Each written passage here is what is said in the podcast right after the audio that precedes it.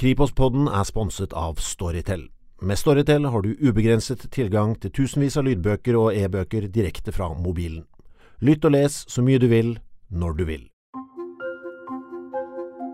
Er du en av de som elsker true crime, sluker krimserier rått eller lar deg fascinere av kriminalsaker som rulles opp i media? Da håper vi at dette er podkasten for deg. For i denne podkasten får du servert en slags etterforskningens ABC.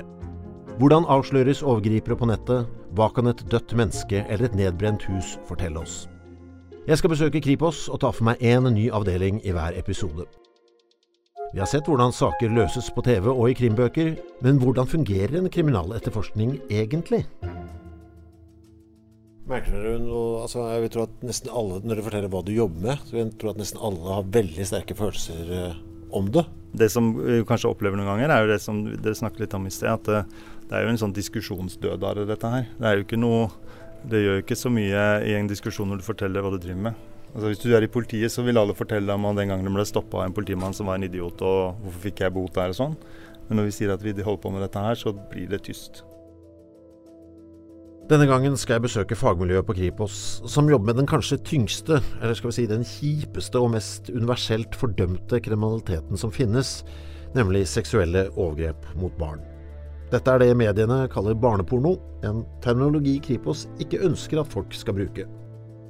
Barnepornografi det mener Kripos det er et uttrykk som man ikke skal bruke. For det dreier seg om dokumenterte seksuelle overgrep. Og det Bjørn Erik bruker å si, det er at begrepet barnepornografi det er en sånn gjerningsmannsterminologi. Da, da ser du på fenomenet fra gjerningsmannen sitt ståsted. Dette er Laila Søndrol, som leder seksjonen for seksualforbrytelser. Hun tar meg med ned i kjelleren på Kripos. Og her, bak en lukket dør, sitter de som kan mest i Norge om barn som misbrukes på internett. Der, vet du. Ja. Hvor er vi på vei nå? Så Nå er vi på vei inn på det operative rommet på seksjon seksuallovbrudd. Eh, Det er Ragnarok. Betegnende nok. Hvem er det som har gitt deg det navnet? Det valgte vi sjøl. Det valgte du? Nei, ikke bare, ikke bare jeg, men vi som jobba her når det, vi flytta hit. Tenkte at det var passende. Ja. Det signaliserer jo at det er eh, et litt uh, utrivelig rom. Her står det òg, ja. Ja, så hvis du ikke, hvis du ikke husker uh, norrøn mytologifarta, så kan du få forklaringen der. Nordboerne forestilte seg at denne verden ville bli ødelagt og forsvinne som følge av et stort slag mellom gudene og jotnene alliert med kaoskreftene, et slag kalla Ragnarok. Er det der du føler at du er? Om ikke, det, om, ikke, om ikke verden skal gå til grunne med det aller første, så er det jo, et, det er jo en kamp og det er jo et slag på et vis eh, om, mellom det gode og det onde, hvis du vil. Mm. Politioverbetjent Bjørn Erik Ludvigsen har jobbet her i over 20 år, og er en av dem med lengst erfaring på denne type etterforskning i Norge. Hva er det som foregår i det rommet her, sånn helt uh, rent praktisk? Uh, vi har valgt å legge det meste av det vi gjør når vi forholder oss til overgrepsmaterialet, til dette store fellesrommet. Uh, for vi, vi, tenker vel som så at det er kanskje ikke bra å sitte inne på et mørkt kontor alene i denne verdenen her. For den kan være, den kan være litt sånn slitsom å forholde seg til til tider. Bjørn Erik åpner et vindu i webbrowseren sin. En helt vanlig webside. Ikke noe fancy spesialprogram eller en side som er beskyttet med passord eller brukernavn. Siden som dukker opp, inneholder et tyvetalls bilder og filmer av barn. Jeg tenkte Det vi kan gjøre, er altså, vi kan se litt altså web, Alle bruker web. Vi tror dere også bruker web til å sjekke Facebook eller fotballresultater eller gå på, på nrk.no og se på TV-programmer eller hva det måtte være. Men det som er litt av problemet vårt, er at den teknologien er så utrolig tilgjengelig og så lett å bruke. Og dette er jo en én-til-mange-kommunikasjon, så hvis jeg lager et nettsted her, så er det tilgjengelig for 3,5 milliarder mennesker på et øyeblikk. Mm. Eh, og det er jo det de gjør eh, når det gjelder å distribuere overgrepsmateriale på web også. Det er fortsatt eh, faktisk et, et, problem i store deler av verden. Ikke så mye i Norge, fordi vi blokkerer det aller meste av det, men eh, det finnes også der ute. Så jeg kan ta opp et par eh, websider her. Og dette her er Dette er altså websider som er uh, online nå. Dette er på internett nå. Uh, dette kan dere ta på telefonen deres uh, hvis, dere, hvis, dere, vet adressen. Og det er altså da stygge overgrep mot barn, inklusiv penetrering av, av småunger. Som, som, ligger da fritt tilgjengelig for alle som kan bruke en nettleser. er dette en side som du da nå jobber med å prøve å legge ned? Ja, så denne her kommer vi til å legge inn det. Vi har et sånt blokkeringssystem som vi, som vi jobber sammen med norske internettleverandører. Sånn at vi dem, kommer til å gi dem denne adressen her oppe. Sånn at når du senere i dag, hvis du forsøker å gå inn på denne siden, så blir du omdirigert til en, en, side hos nettleverandøren som inneholder informasjon om hva som faktisk skjedde. At vi har dirigert trafikken inn bort ifra disse overgrepene og til en informasjonsside. Uh, det er en russisk side. Er det mye, er mye der det foregår nå? Ja, det er, en, det er et .ru-domene, på samme måte som at det kan være .no, men du ser den ligger i USA. Ja. Og det vi ofte ser, når vi klikker oss litt rundt, USA er, den, er både den store, stygge ulven og det motsatte. Fordi at USA er det absolutt største internettmarkedet. Sånn at disse folkene, de, de tar dette materialet, og så pøser de det ut på en eller annen server et eller annet sted. Og så tar det litt tid for den som eier serveren og som drifter systemet, til å finne ut at det er faktisk dette materialet de gir tilgang til. Fordi det, det, det lages eh, hundretusenvis av eh, nye sider hver dag, nye domener hver eneste dag. Sånn at det tar tid før eh, ja, dette var, Skal vi se, hvilket land er dette, da? Seychellene. Ja. Eh, ligger den. Eh, men den er like lett tilgjengelig som den vi så på som var i USA, eller om vi hadde gått på, på vg.no og sett på et norsk, eh, norsk innhold. Mye av materialet som viser overgrep mot barn, ligger helt åpent på nett. I mediene får man inntrykk av at størstedelen av materialet eksisterer i lukkede, krypterte nettsamfunn. Hvordan bekjemper Kripos disse miljøene? de folka som har ønske om å skjule seg, enten det er fordi de driver med overgrep mot barn eller dokumentasjon på det, eller annen type kriminalitet, vil jo ofte være raske til å ta i bruk ny teknologi.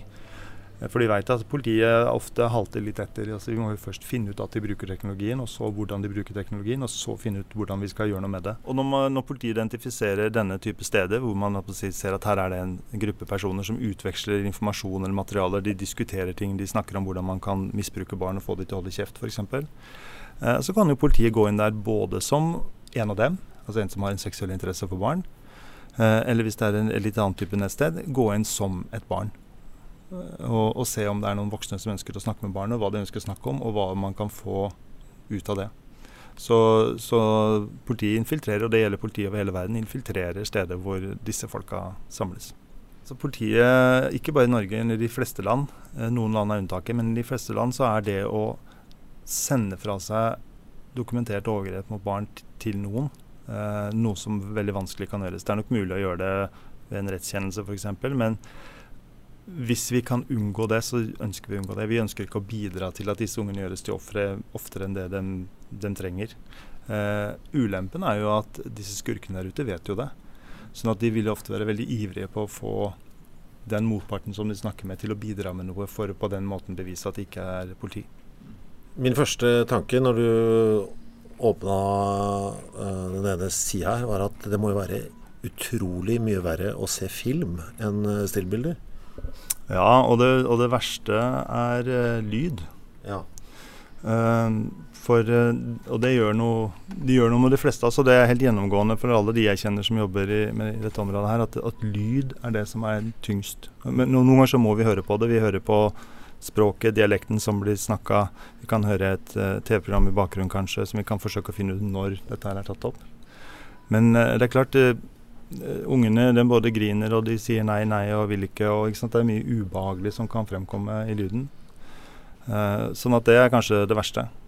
Uh, en annen ting er jo at noen ganger så har disse folka som har tatt opp disse filmene, eller noen andre, det vet vi ikke alltid, de har lagt på musikk for å skjule alle disse lydene som måtte være i bakgrunnen. Sånn at overgrepsmaterialet har jo ødelagt innmari mye låter for meg. Oh, ja.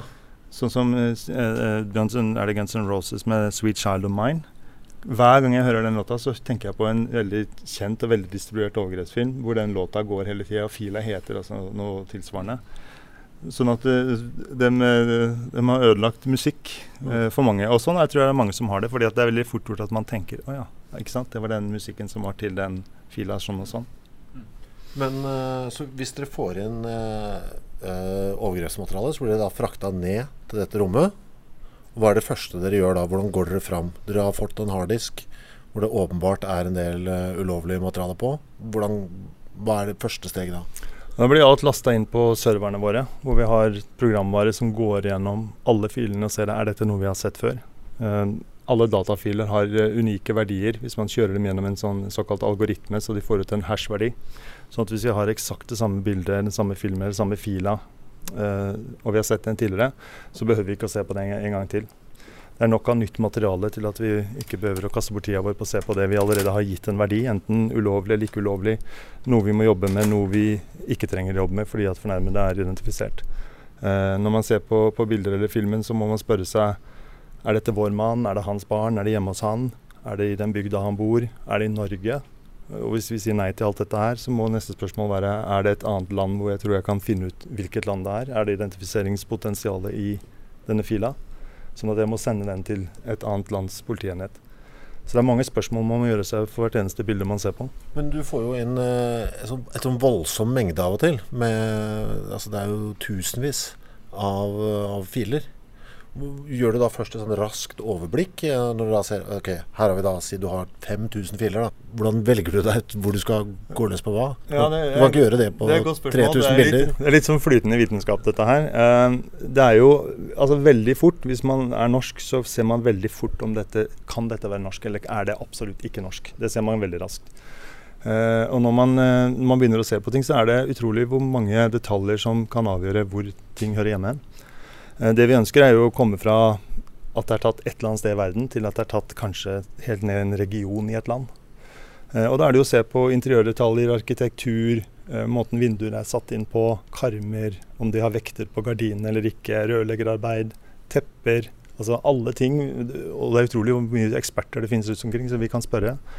Uh, vi kan spørre om denne type tau, hvor er den lagd hen? Og så er det alltid en eller annen som vet det et eller annet sted i verden. Det er bare å finne dem uh, og få spurt dem. Og når man tar alle disse tingene, når man har sagt at dette fins i dette landet, og dette landet, dette her fins bare i disse tre landene, dette er i disse fem landene. Når man krysser alle de linjene, så blir man ofte sittende igjen med veldig få muligheter. Og da er det jo for opp til oss å få plassert eh, det materialet så nære de, eh, det stedet hvor dette har skjedd som mulig. Og de politifolka som, eh, som eh, har en si, mulighet til å ikke bare kjenne igjen stedet hvor dette har skjedd, eller tingene som passer med ting som er deres land, men også folka. Og vi har hatt saker hvor når man har funnet landet, man har funnet regionen, sender det til politiet, sier de ja, disse folka kjenner vi jo. Denne familien kjenner vi. Og da er det jo å reise ut da, og få stoppa overgrepene. Men sånn som du så jo noen bilder her, ikke sant. Det er jo mye, det er jo mye stue, soverom eh, osv. Og det er jo Estetikken er veldig sånn som det er på pornografiske sider på, på nettet. Det er den estetikken de etterstreber, ser det ut som. da. Ja, ja.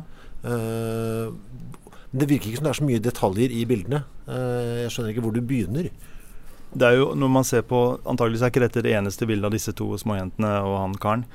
Eh, sånn at da er det jo å se på alle bildene sammen. Altså det er, litt, det er noe i ett bilde, ingenting i et annet. I et tredje bilde kanskje det er noe teknisk informasjon. Hvem, hvor kom det fra, hvem hadde det, når er det tatt? Altså Vi bruker all den informasjonen vi kan få av alle de bildene og alt det materialet som, som er tilgjengelig der ute, for å, for å finne ut av det. Uh, og det at det er tatt på soverom, er jo at de fleste overgrep mot barn blir jo begått der hvor folk har tilgang til barn, og det er jo hjemme. Mm. Uh, det farligste stedet for et barn å være er jo hjemme av seg sjøl. Uh, fordi det kunne begå et overgrep mot barn, så må du jo ha tilgang, og den som har best tilgang, er jo foreldre. og når du først har fått tilgangen, så må du kunne begå overgrepet, og så må du få barnet til å være, holde munn om det etterpå. Enten med trusler eller lokking eller luring, eller at ikke barnet engang veit at det har blitt utsatt for et overgrep. Her ser vi et bilde fra et uh, en, Det ser ut som eh, et ganske stort uh, rom. Det er noen vinduer i bakgrunnen. Og så står det et uh, barn tydeligvis foran en, en, radiator her. Et lekehus i forgrunnen og noen blader eller noe sånt i et hjørne. Hva, hva er, er, dette del av en, en, serie, da, eller? Ja, det er en del av en serie hvor, hvor de alle de andre bildene i den serien inneholdt bare barns kjønnsorganer og peniser og, og sånne ting. Altså voksne peniser. Så det hadde veldig lite informasjon. Men dette bildet også hørte sammen med denne, denne serien. Og det inneholder mye mer informasjon. Eh, og det som vi ser på her, er jo det som er spesielt for dette rommet i forhold til alle andre rom i verden. Eh, klart, Den type vinduer, blyglassvinduer, ikke så vanlig i Norge, så det er antagelig ikke her. Eh, hasper, rørleggerarbeid, denne radiatoren, teppetypen, materialet. Eh, måten den er lagt på, eh, store, høye terskler. Alle disse tingene her kan fortelle oss noe om hvor er det byggeskikken er på den måten der, sånn at vi kan plassere etterforskningen av å prøve å finne ut hvem den ungen her er, i det landet som er nærmest det, det barnet. Klarte dere å finne ut hvor f.eks. dette lekehuset var fra, og produsent og sånn? Akkurat den etterforskningen der, det var en svær etterforskning, og de endte opp i Polen. Mm. Uh, men når de fant fram til den familien de trodde det var, så var det huset brent ned. Så de kunne ikke verifisere at det rommet hadde sett sånn ut noen gang. Uh, og ingen av ungene ville fortelle noe, så den saken er vel fortsatt uoppklart, så vidt jeg vet. Dukker det opp det, noen sånne saker hvor du faktisk du kjenner igjen et barn som du så f.eks. For, for bare to år siden. Og Bare, 'Å nei, herregud, dette barnet er fremdeles i situasjonen', men det har gått to år. Ja, ja. Vi har hatt mange sånne saker opp igjennom. Hvor, uh, for veldig lenge siden, det er 12-13 år siden, så hadde vi en sak hvor, hvor, barn Det kom nye bilder i en serie, og det var veldig mange barn i den serien. Hvert år så kom det nye bilder til, på våren. Uh, og da var de et år eldre, da. Og år etter år så gjentok dette her seg. Uh, og vi fikk identifisert dem til slutt. Det viste seg at var, vi fant 27 svenske jenter. Um, men vi brukte to år på den etterforskninga den gangen. Altså Sånne lovbrudd av den typen her har jo blitt mer og mer populære å bruke i TV-serier og krim osv. Fordi det er så tydelig ondskap, da, ikke sant? og man vil gjerne skru til lista til litt og gjøre ting uh, hardere. Altså Det har blitt sånn i underholdningen òg. Så dette blir jo oftere og oftere en del av populærunderholdningen på en eller annen rar måte. At det er et sånt lovbrudd som skal etterforskes. Men når du ser på f.eks. en krim da, hvor dette er tema, føler du at det er gjengitt uh, nokså riktig, eller er det noe du irriterer over? Dette, dette er altså så Det er ikke sånn. Det, er, det, gjelder på dette feltet her som i alt politiarbeid som, som uh, man ser på film og TV. Altså, det, det, går ikke så fort i virkeligheten. Vi har ikke sånne verktøy så vi kan trykke på en knapp, og så dukker det opp en mistenkt uh, i virkeligheten. Uh, politiarbeid er veldig ofte grundig detaljarbeid over lang tid før man får det til. Og klart Skal du presse inn politiarbeid på 45 minutter, så, så blir det mye av at folk sitter i telefonen eller sitter ved skrivebordet og glaner ut i lufta. Fordi det tar tid, rett og slett. Det er ikke så god underholdning. Er det noen sånne F.eks. når de tok Drammensraneren, da så gikk jo liksom ransbølgen ned i Norge ganske kraftig. Uh, har det vært noen sånne typer saker uh, innenfor ditt felt? At det er noen, noen store aktører der ute som bare, hvis vi bare tar han eller henne, så er mye gjort? Ja, det, de, de finnes ikke nødvendigvis i Norge, kanskje. Eller det, det vet vi jo ikke alltid, da. Men det er, det er, nok heller de mange små som er problemet, og ikke de store. De store som peker seg ut, vil ofte bli plukka opp av et eller annet landspoliti og, og forsøkt tatt. Det er jo vårt, uh, Vår utfordring er jo ikke å finne nåla i høystakken. Vår utfordring er å finne den riktige nåla blant alle nålene. Altså, vi har jo sånne ekstreme mengder med bevis. Altså, vi, drukker, vi vasser jo til halsen i bevis. Uh, og Målet vårt er jo å klare å finne, bruke det beviset vi har, og så spole verden tilbake til når dette skjedde, hvor dette skjedde, sånn at vi vet hvem disse personene er. Og Vi har jo ofte det meste av informasjonen i bildet. Vi vet jo hva som har skjedd, vi vet litt om uh, de folka som har vært involvert, vi vet litt om det stedet hvor dette har skjedd. Vi vet bare ikke hvor og når, og hvem, altså hva det heter osv. Uh, eh, og det er jo det vanskeligste kanskje da, å finne, finne tilbake til. Men vi har altså veldig mye informasjon i mange av disse sakene. I den uh, identifiseringsdatabasen til Interpol så har vi 300 identifiserte norske barn. Som vi vet hvem er, og hvor, hva heter og hvor bor, og vi vet hva de ble utsatt for. Og vi har bildene som beviser at det skjedde. Men vi ser jo hele tida når vi er på, på, web eller i seriebeslag, så kjenner vi igjen uh, barn som vi vet er norske. Som, uh, både som er identifisert, og også noen som ikke er identifisert, men som vi tror er norske. Så de distribueres i like stor grad de som, som andre lands barn. Uh, og det er ikke noen grunn til å tro at vi i Norge er noe bedre enn andre folk. Altså det begås helt sikkert like mye overgrep i Norge med, og dokumenteres like mye overgrep i Norge som andre steder. Så dette er ikke et USA-problem eller Russland-problem eller Thailand-problem. Dette, dette, er et menneskeproblem. Når Bjørn Erik har klart å identifisere et barn som har blitt misbrukt, må barnet avhøres. Og det å avhøre barn, av og til helt ned i tre-fireårsalderen, stiller helt spesielle krav til avhørsmetoder. Tone Davik har jobbet i Kripos i 20 år og er spesialist på akkurat dette.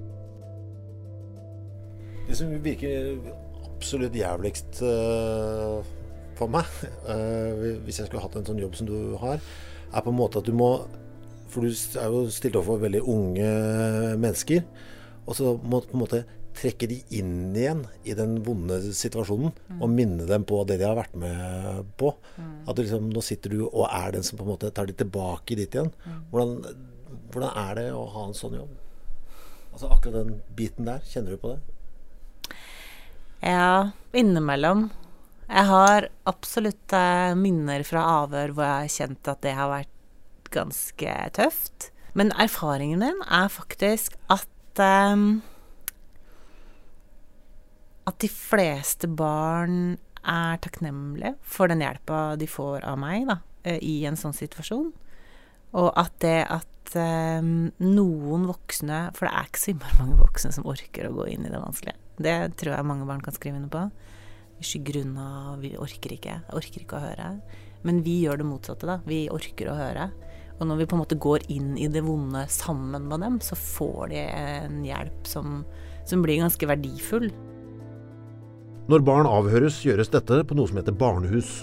Dette er steder over hele Norge som er tilrettelagt for at et slikt avhør skal oppleves så lite ubehagelig som mulig for barnet. For at avhøret skal fungere optimalt, starter planleggingen lenge før Tone faktisk møter barnet. Før jeg reiser ut og møter barnet i et avhør på barnehuset, så har jeg alltid vært i kontakt med den som skal følge barnet. Eh, av og til er det foreldrene, ikke sjelden er foreldrene de mistenkte i saken, og da vil det være en følgeperson som f.eks. kan være en lærer eller en ansatt i barnehagen. Eller barnevernet bruker vi også av og til. Og da snakker jeg lenge med de i forkant og forteller dem ja, for, for, det første gir den voksne informasjon om hva som skal skje. For trygge voksne skaper litt Altså det er viktig for å trygge barna. Og så er jeg veldig tydelig på hva jeg vil at den voksne skal forberede barnet på. Så når de kommer til barnehuset, så er de, hvis den voksne har gjort jobben sin, forberedt på at de skal til et barnehus, hva et barnehus er. At det liksom ikke er nødvendigvis et hus, men en etasje i et kjøpesenter, eller ja, alt ettersom hvordan det ser ut eh, på det aktuelle barnehuset. Og at dit kommer det barn hver eneste dag for å snakke om hvordan de har det, sånn at de skjønner at dette ikke er så uvanlig. Eh, at de der vil møte meg, en dame som heter Tone, som jobber i politiet, som ikke har politiklær Sånn at de ikke skal bli skuffa over at jeg ikke har det. Eller redd for at jeg skal ha det, hvis de har noen negative opplevelser med politiet. De fleste blir skuffa, egentlig. Helt ærlig. De gleder, liksom gleder, seg til å se meg og politiet i bilen min og sånn, men det gjør de jo aldri. Eh, og så vet de i hvert fall noe om hva vi skal snakke om, altså hvorfor vi i det hele tatt skal møte dem. Og hvis det er en mistanke om eh, vold i familien f.eks., så vil de alltid vite at eh, Tone vil gjerne snakke med deg fordi at eh, politiet har fått vite at det kanskje er ting hjemme hos dere som ikke er så greit. Når vi snakker med deg om, om hvordan du har det hjemme hos mamma og pappa. Sånn at de har jo no, en viss forståelse for hva dette handler om. Er det litt større barn, så er vi enda tydeligere. Er det et barn som da har fortalt på skolen til læreren sin at faren slår, eller pappa, begår, pappa, gjør ting med meg som jeg vet han ikke har lov til, så eh, bør de vite såpass før de kommer til oss at du snakka jo med læreren din, og når lærere eller voksne får vite at barn utsettes for sånne ting, så har man faktisk et ansvar for å si det videre. Så når de kommer, så har de allerede noen forventninger og en viss forståelse av hva det handler om, og det bruker jo vi for alt det er verdt, da. Hva er den, eh, hva er den største utfordringen, egentlig? Sånn al ta alder, da, f.eks. Mm. Er det Alder er en stor utfordring. Eh, nå jobber vi veldig mye med avhør av barn i førskolealder. Og de vanskeligste Når jeg virkelig føler at jeg driver med ekstremsport, det er i avhør av treåringene. Det er ikke lett. Eh, og der har du både språkutfordringer, det hele tatt klare å skjønne hva, hva, mange av de prøver å si. Og så er det noe med ut, Treåringer er ofte fortsatt veldig utrygge på å være aleine med folk de ikke kjenner, naturlig nok. Eh, hele settingen er eh, vanskelig for dem. Eh, og så er de eh, evner de minste barna ikke ikke å klare å forklare seg på en måte som rettssystemet vårt egentlig krever for å kunne ta en historie på alvor, da. Og det er også en stor utfordring. Eh, når vi avhører de minste, så klarer ikke de å en, gi en fri fortelling av en selvopplevd hendelse. Det er sånn korte setninger, eh, ord som du på en måte må sette inn i en setting sjøl for å klare å forstå meningen av, eller meningen i. Eh, mens når rettssystemet vårt eh, skal gjøre en vurdering på om dette er en historie de tror på eller ei, så er et av de viktigste kriteriene at du faktisk har en fri fortelling uten at du blir stilt spørsmål, det blir ansett som den beste og mest troverdige forklaringen. Da. Ja, For du skal ikke legge noen føringer? Vet du stort sett når du kommer inn at det faktisk har begått, blitt begått et overgrep, eller er det din jobb å finne det ut? Hva er det stort sett? Det, det er jo litt begge deler, da. Um, og uh, i stadig økende grad, men ikke sånn jo. I, I, økende grad så har vi nå et utgangspunkt hvor vi veit at det har skjedd, fordi det er dokumentert. Uh, det gjelder noen av sakene vi jobber med, men langt ifra alle. Og de sakene um, er jo interessante fordi utgangspunktet er et, et annet. Du vet at det har skjedd, så skal du liksom prøve å tilrettelegge for at barnet forteller om det. Eh, og det har gitt noen, oss noen nye erfaringer og utfordringer som vi ikke hadde så mange av tidligere, egentlig. Og det handler om at vi har sett at det å fortelle om noe for første gang eh, eller det å først skjønne at noen veit hva du har vært utsatt for. Eh, og at, eh, at, det kanskje går opp for deg at han du har delt, uh, delt informasjon med, eller som har tatt bilde av deg, det veit du også har delt det med andre, og at noen sitter der og veit, det er et sjokk for barnet i seg selv. Eh, og så skal du liksom prøve å tilrettelegge for at de forteller om det, og den prosessen er kjempevanskelig for barn. Og det er ikke veldig ofte de forteller da for første gang om seksuelle overgrep til oss i avhør eh, hvis de får på en måte den overraskelsen som en del av avhøret. Eh, så der tenker vi litt annerledes nå i forhold til det å forberede barna på en annen måte, det å fortelle dem hva vi vet i forkant av avhøret, egentlig. Vi ser ofte at barn nekter å fortelle, eller de nekter for det. Underrapportering er veldig vanlig. Eh, at de sier selv om vi sier vet du hva, vi har sett bilder av deg. Liksom. Eh, vi har det her. Vi viser dem sjelden, altså vi viser dem ikke bildene, men vi forteller at vi veit. Nei, nei, nei, det har ikke skjedd. Så det er en sånn fornektelse som blir veldig voldsom eh, og vond, tenker jeg, for barna òg. Eh, så der får vi ikke så veldig ofte informasjon. Eh, når utgangspunktet er at vi ikke vet, så blir jo det en utfordring for meg som politi. Jeg skal gå inn der og være objektiv. Jeg har noen informasjon. Det er en grunn til at vi avhører barnet. Eh, og så blir det opp til meg hvordan jeg tilnærmer meg det, da. Egentlig skal jeg ha en åpen tilnærming hvor uh, ideelt sett barnet er den som skal begynne å fortelle. Men i praksis så ser vi jo at vi må legge fram en del av den informasjonen vi har, sånn at de skal skjønne hva det handler om, og skjønne at jeg vet litt. Og så basert på det forhåpentligvis tar sjansen på å fortelle meg mer, da. Eh, men det er jo en hårfin balanse der i forhold til den informasjonen man har i forkant. Hvor mye skal du stole på den? Um, hvor mye skal du legge fram, og hvor detaljert? I forhold til at det ikke skal oppleves som at du leder barnet til å fortelle om noe som kanskje ikke har skjedd. Uh, for det er lett å si at barn er lett påvirkelige. Det brukes ofte mot dem, og det brukes mot oss i forhold til avhørsmetodikken vår. Uh, og det å være tydelig nok til at barnet skal skjønne hva det handler om. Så der er vi en veldig sånn fra avhør til avhør balansere litt på en knivsegg i forhold til hva er det vi skal gjøre. Hva, altså hva skal vi gjøre her som vi ikke kan bli tatt på, for uh, ja, tatt på? Eller som ikke kan bli brukt mot oss, og hvor mye hjelp trenger dette barnet for å klare å skjønne hva det handler om, og klare å sette ord på det. Jeg vil jo tro at uh, mye av forsvaret til overgriperne vil være at dette er, og, uh, barna har så fri fantasi. Mm. Og det, de finner på alt mulig rart. Barn sier så mye rart. Ja. Mm. Og det gjør du jo også. Ja. Så du, du, har vel en utfordring der òg, sikkert? Mm. og jo mindre de er, jo større er jo den utfordringen. For ja, barn sier mye rart. Men jeg syns, fort, altså jeg syns eh, at i systemet vårt at det er for lettvint å komme med den frasen. Barn sier jo så mye rart. De har så god fantasi. Hvorfor skal vi tro på dette? Jeg tenker at eh, de som sitter og vurderer et barns forklaring i dag, da, 2016, den kunnskapen vi har i dag, og rettssystemet må, bør vite mer enn en, en å la seg overbevise om at barn sier så mye rart, derfor kan vi ikke tro på dem.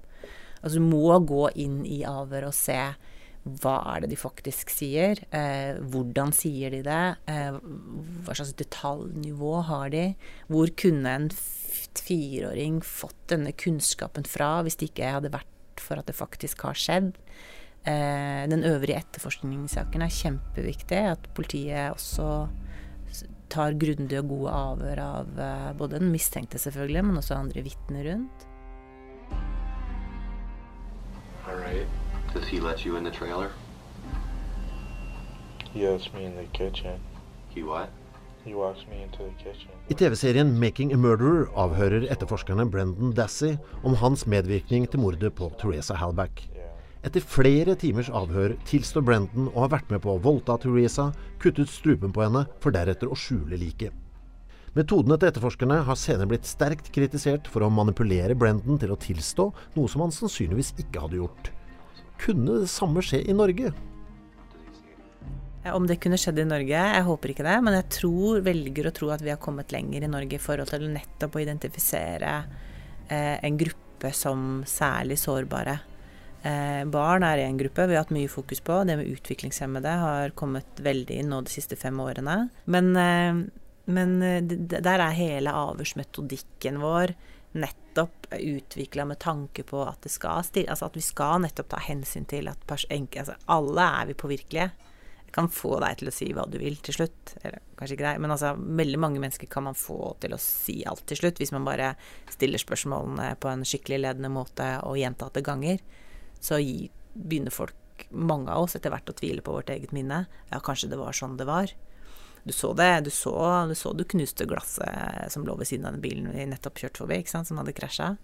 Og da skjer det noe med hjernen vår trenger ikke å ha sett det, men vi tror, begynner etter hvert å tro at vi har sett det. Og det her er forskning som har vært gjort på dette siden tidlig 70-tall, og som vi da særlig de siste 20 åra har implementert i vår avhørsmetodikk.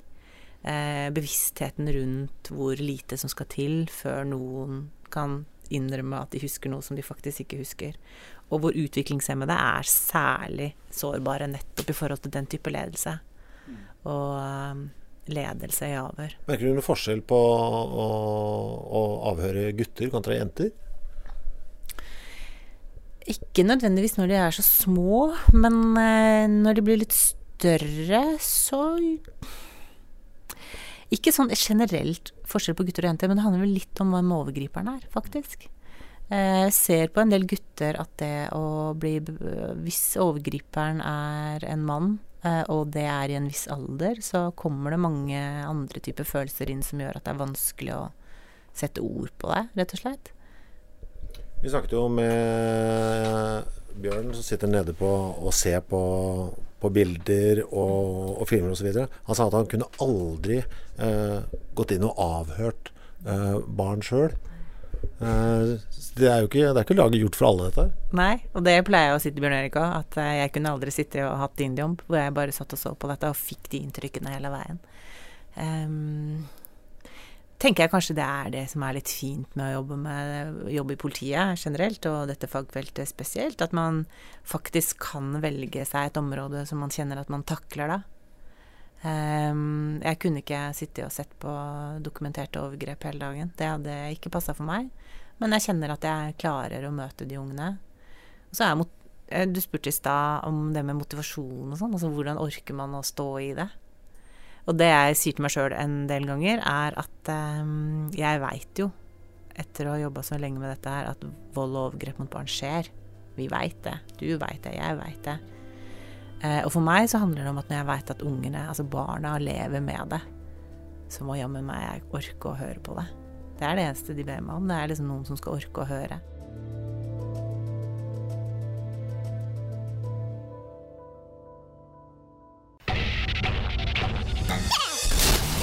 Master.